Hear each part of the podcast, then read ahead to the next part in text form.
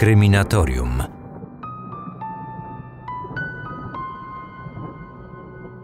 To mogła być zbrodnia doskonała. Pracownik huty wykorzystał swoje miejsce pracy do ukrycia ciała. Najpierw poćwiartował zwłoki i wierzył, że nikt ich nigdy nie znajdzie. Niewiele brakowało, aby jego plan się udał. Nie przewidział jednak, że zapach płonących fragmentów ciała wzbudzi podejrzenia pracownika huty.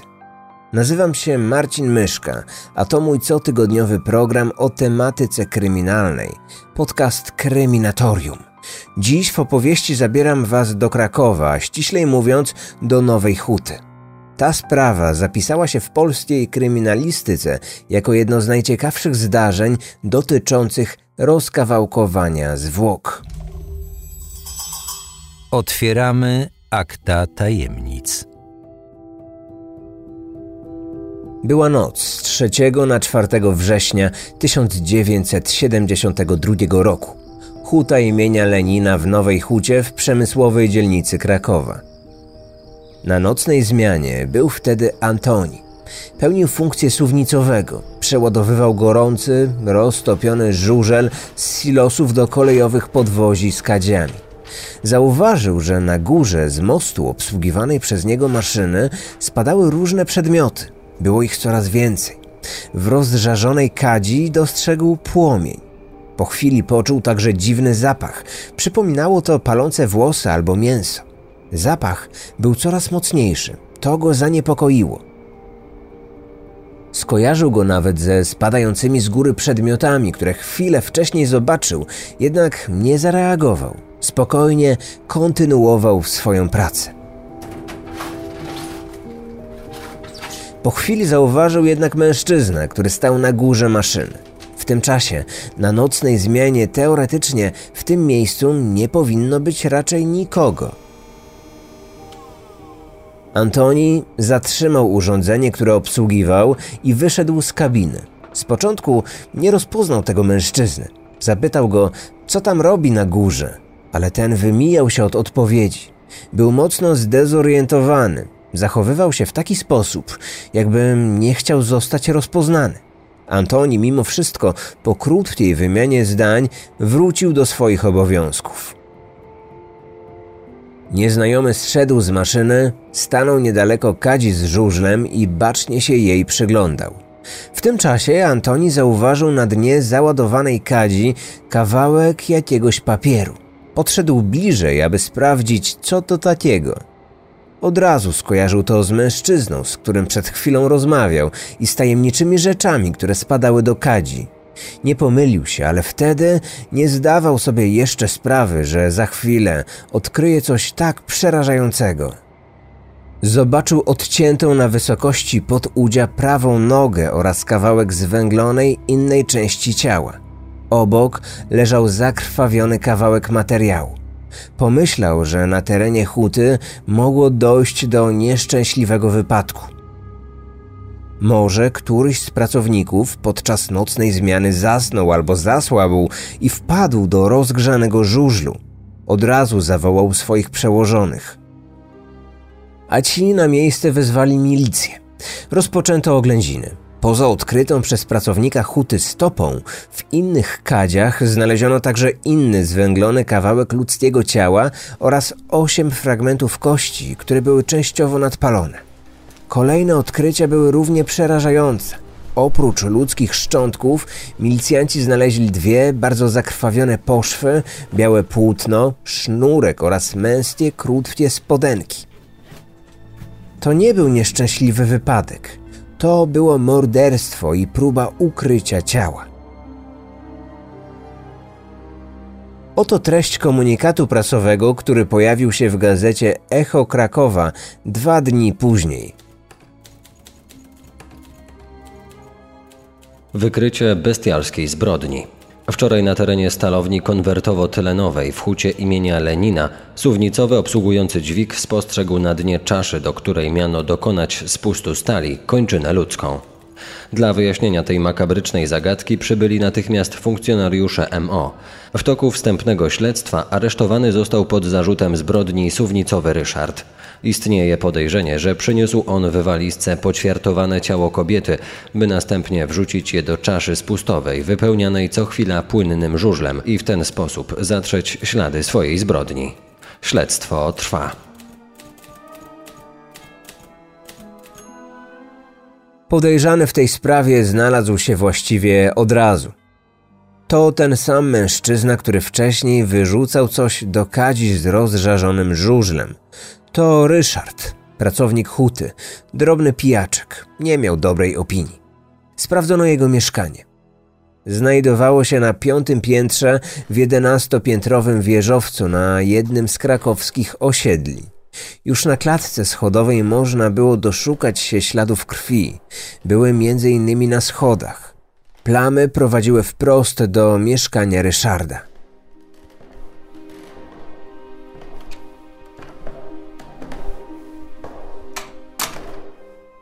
Po wejściu do środka pojawiło się jeszcze więcej śladów, które przemawiały na niekorzyść właściciela. Milicja odkrywała coraz to nowsze dowody. Podczas oględzin znaleźliśmy poduszkę. Była przesiąknięta krwią. Ktoś schował ją w szafie.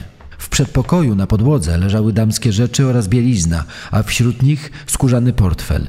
Był w nim dowód osobisty. Od razu założyliśmy, że najprawdopodobniej należał do ofiary. Na dokumencie odczytano dane kobiety. Miała na imię Barbara. Mieszkała w Krakowie. Wśród dokumentów i jej rzeczy osobistych znaleziono też zdjęcie małego chłopca. Był to jej syn. Tuż obok leżała damska torebka w beżowym kolorze.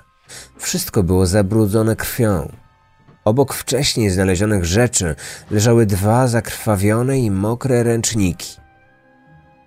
W jednym z pokoi, na łóżku, leżały dwie poduszki ze śladami krwi. W kuchni znaleziono noże, a tuż obok nich osełkę do ich ostrzenia.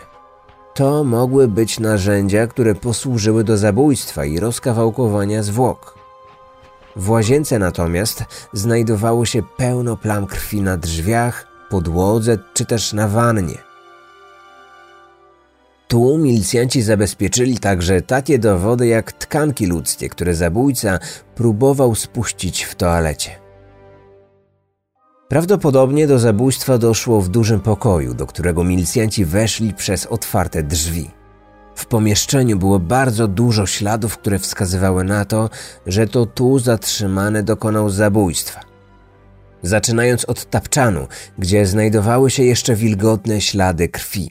Nad tapczanem na ścianie widoczny był rozbrysk krwawych plam, który ktoś wcześniej prawdopodobnie próbował zmyć.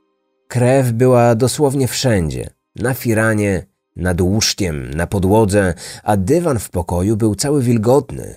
Oczywiście od krwi. W tym mieszkaniu kilka lub kilkanaście godzin wcześniej musiało dojść do prawdziwej masakry. Jakie były okoliczności tego zdarzenia? Chwila przerwy od naszej historii. Obiecuję, że zaraz do tego wrócimy, ale najpierw ważny komunikat. Jutro, czyli 8 czerwca, kończy się oferta promocyjna na mój audioserial Rozpruwacz z Bydgoszczy. To naprawdę ostatnie godziny, aby skorzystać z promocji, zamówić audioserial taniej i w tej cenie otrzymać plik z dodatkowymi materiałami ze śledztwa, a w nich zdjęcia, infografiki, mapy, fragmenty protokołów i wiele, wiele, wiele innych rzeczy, które pomogą zrozumieć i przeanalizować opowiadaną przeze mnie i przez ekspertów historię. Audioserial można zamawiać na stronie rozpruwacz.pl. Nie spóźnij się.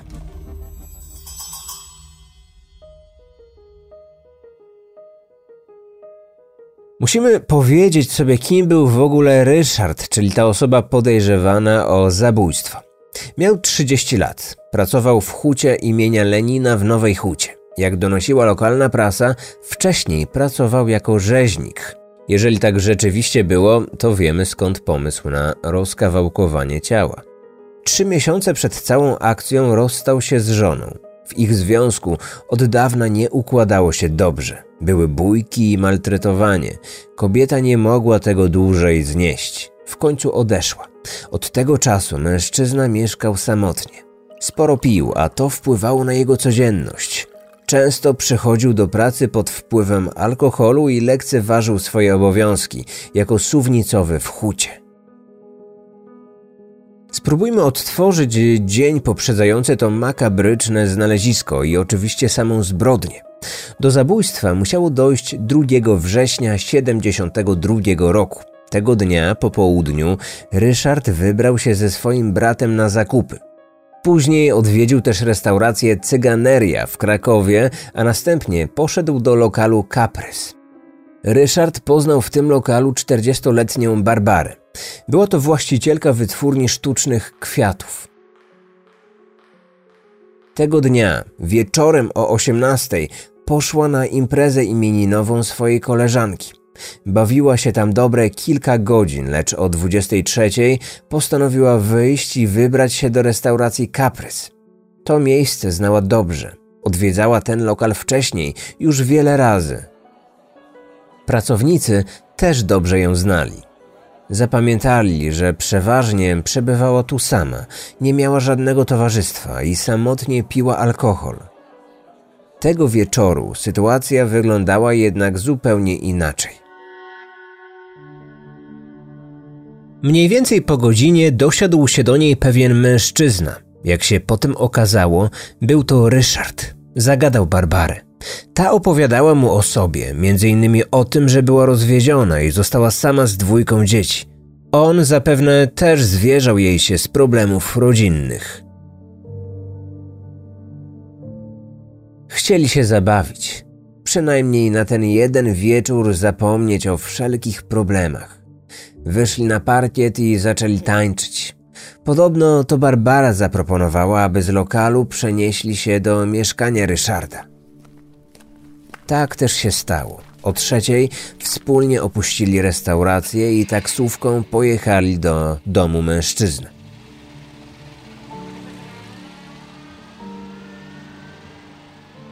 Tam była jego matka, ale spała. Para usiadła w dużym pokoju. Pili alkohol, a w międzyczasie Ryszard przygotował jedzenie. Do tego momentu wszystko wydaje się jasne, ale późniejszy przebieg zdarzeń Ryszard relacjonował w kilku wersjach.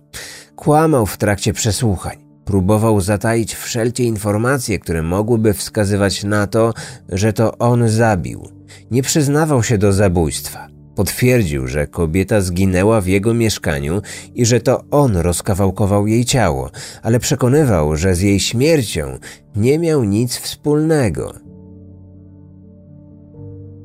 Na początku mówił o samobójstwie. Tłumaczył, że Barbara chciała uprawiać z nim seks. Rozebrała się, ale on nie miał ochoty. Wyszedł z pokoju do kuchni, aby przygotować sobie kanapki do pracy. Była już piąta rano. Gdy po piętnastu minutach wrócił do pokoju, kobieta miała już nie żyć. Miała dużą ranę na szyi z prawej strony. Mocno krwawiła. Ryszard założył, że Barbara nie żyje. Tuż obok niej spostrzegł zakrwawiony kuchenny nóż. To właśnie tym nożem dwie godziny wcześniej przygotował dla siebie i partnerki wspólny posiłek. Czy kobieta mogła zadać sobie te obrażenia sama? Czy w mieszkaniu nowo poznanego mężczyzny naprawdę popełniła samobójstwo? Byłem przerażony. W kuchni spotkałem matkę. Zauważyła, że mam zakrwawioną koszulę. Musiałem ubrudzić się, gdy próbowałem podnieść z podłogi Barbarę. Matka dopytywała się, co się stało. Powiedziałem, że poleciała mi krew z nosa i ma dać mi spokój. Poprosiłem, by wyszła z mieszkania. Ryszard nie wiedział, co robić.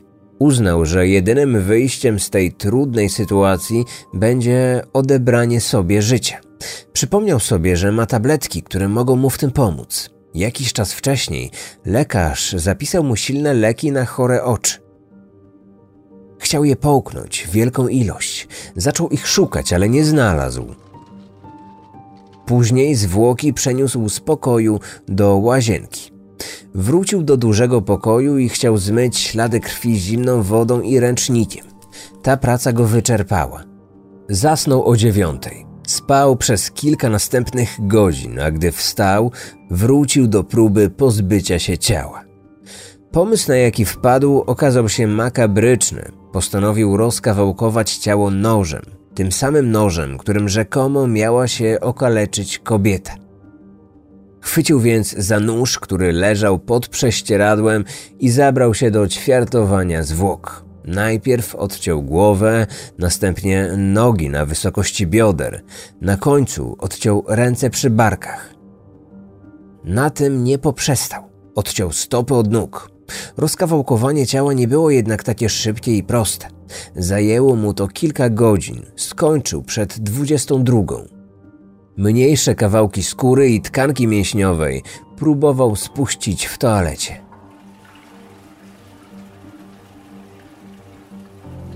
Przyszedł czas, by pozbyć się ciała z mieszkania. Na początek postanowił wynieść dolne kończyny. Stopy zawinął w gazetę. Całość włożył do płóciennej torby, którą dodatkowo owinął pokrowcem od telewizora i związał sznurkiem. Wyszedł z domu, wsiadł do taksówki i kazał się zawieźć do huty imienia Lenina. To było jego miejsce pracy. Na teren zakładu wszedł więc legalnie. Pokazał strażnikowi swoją przepustkę służbową, a ten go wpuścił. Podszedł w kierunku pomostu suwnicy, u dołu której wywożone były kadzie z żużlem. Wszedł na maszynę i zrzucił na suwnicę kawałki ciała, które trafiły prosto do rozżarzonego żużlu. W domu miałem pozostałe fragmenty zwłok. Ich także musiałem się jak najszybciej pozbyć – Wróciłem więc do mieszkania. Tułów zawinąłem w prześcieradło i ponownie pojechałem do huty. Na teren zakładu wszedł tą samą drogą, ale pakunek, tak jak wcześniej, najpierw przerzucił przez płot. Nie chciał zwracać na siebie uwagi. Duży bagaż mógł wzbudzić podejrzenie i zainteresować strażnika. Tym razem nie wrzucił tych fragmentów ciała do rozżarzonego żużlu. Zostawił je na terenie zakładu, po czym ponownie wrócił do mieszkania. Musiał przywieźć jeszcze głowę, ręce i jedną stopę. Zawinął całość w płótno i schował do tego samego pokrowca od telewizora, którym przywiózł wcześniejsze części zwłok. Strażnik również i tym razem nie zainteresował się jego obecnością. Wrócił po wcześniej zostawiony tułów. Nie chciał jednak wrzucać wszystkiego do jednego miejsca. Tors wrzucił więc do silosu wypełnionego gorącym żużlem, a pozostałe fragmenty ciała, m.in. ręce, głowę oraz stopę, postanowił zrzucić do innego zbiornika z góry. Wspiął się na pomost suwnicy. Gdy wrzucał do kadzi ręce, głowę i na końcu stopę, zauważył go pracownik obsługujący suwnicę.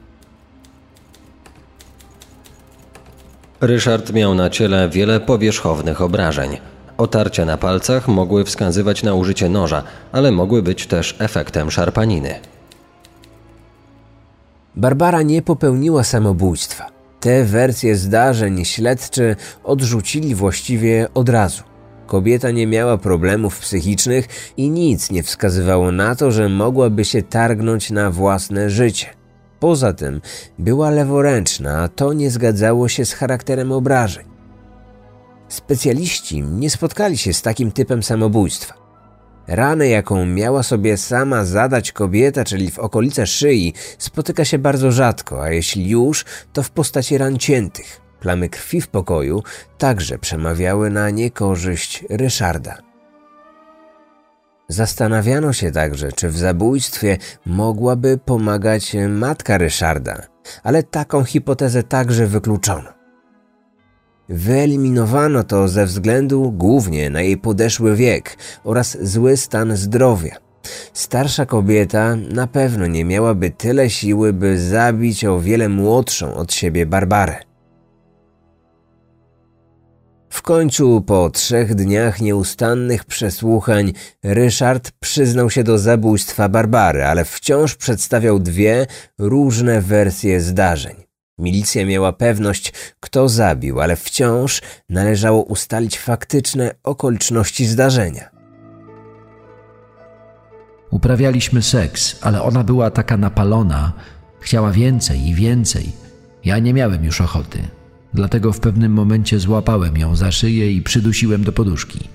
Nie mogła krzyczeć, ale wbiła mi w dłonie paznokcie. Tym mnie zdenerwowała. Ryszard chwycił za nóż, który leżał tuż obok na stole i zaczął dźgać kobietę po szyi i klatce piersiowej. Próbował uzasadnić swoje działanie. Tłumaczył, że odczuł odrazę do kobiety związaną z jej ciałem i zapachem. To właśnie dlatego miał jej odmówić kolejnego stosunku. Barbara poczuła się urażona. Zasugerowała, że mężczyzna traktuje ją w taki sposób tylko dlatego, że jest od niego wyraźnie starsza. Przed wyrzuceniem rąk do kadzi ściągnął z dłoni swojej ofiary pierścionki i zegarek. Nie zrobił tego jednak po to, aby na tych przedmiotach na przykład później zarobić, albo aby przypominały mu o całej sytuacji. Zdawał sobie sprawę, że metal nie uległby całkowitemu spaleniu i przez to ktoś mógłby odkryć prawdę. Podczas późniejszych badań zatrzymanego biegli określili czyn, jakiego dopuścił się Ryszard, jako defensywne rozkawałkowanie zwłok. Wnioskowali, że działał on z pełną premedytacją. Nie chciał, aby ofiara została zidentyfikowana. Ryszard tłumaczył, że w czasie dokonanej zbrodni był w słabej kondycji psychicznej, głównie przez rozstanie z żoną. Zdradził też milicjantom motyw zbrodni. Do zabójstwa miało dojść przez to, że kobieta wbiła w jego dłonie paznokcie. To zabolało go tak bardzo, że postanowił odebrać jej życie. Wszystkie dowody, które udało się zgromadzić zarówno w hucie, jak i w mieszkaniu Ryszarda, poddano dokładnej analizie. Sprawdzono wszelkie materiały, płótna i sznurek, którym były zawiązane części ciała wrzucane do kadzi. Należało też ustalić płeć ofiary. Zwłoki były rozkawałkowane i w bardzo złym stanie. Część z nich była już nadpalona. A co, gdyby okazało się, że w kadzi znaleziono fragmenty zwłok należące do mężczyzny?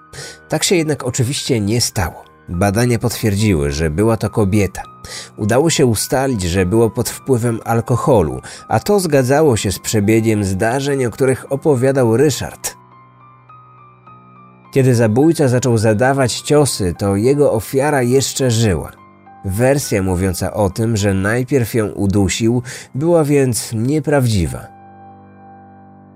Ryszard został poddany długotrwałej obserwacji psychiatrycznej. Biegli wydali opinię. Był człowiekiem o nieprawidłowej osobowości. Charakteryzował się impulsywnością, drażliwością i zmiennością nastrojów. Od lat nadużywał alkoholu. W chwili ataku działał pod wpływem emocji. Wyrok zapadł 18 maja 1974 roku. Sąd skazał Ryszarda na 25 lat więzienia.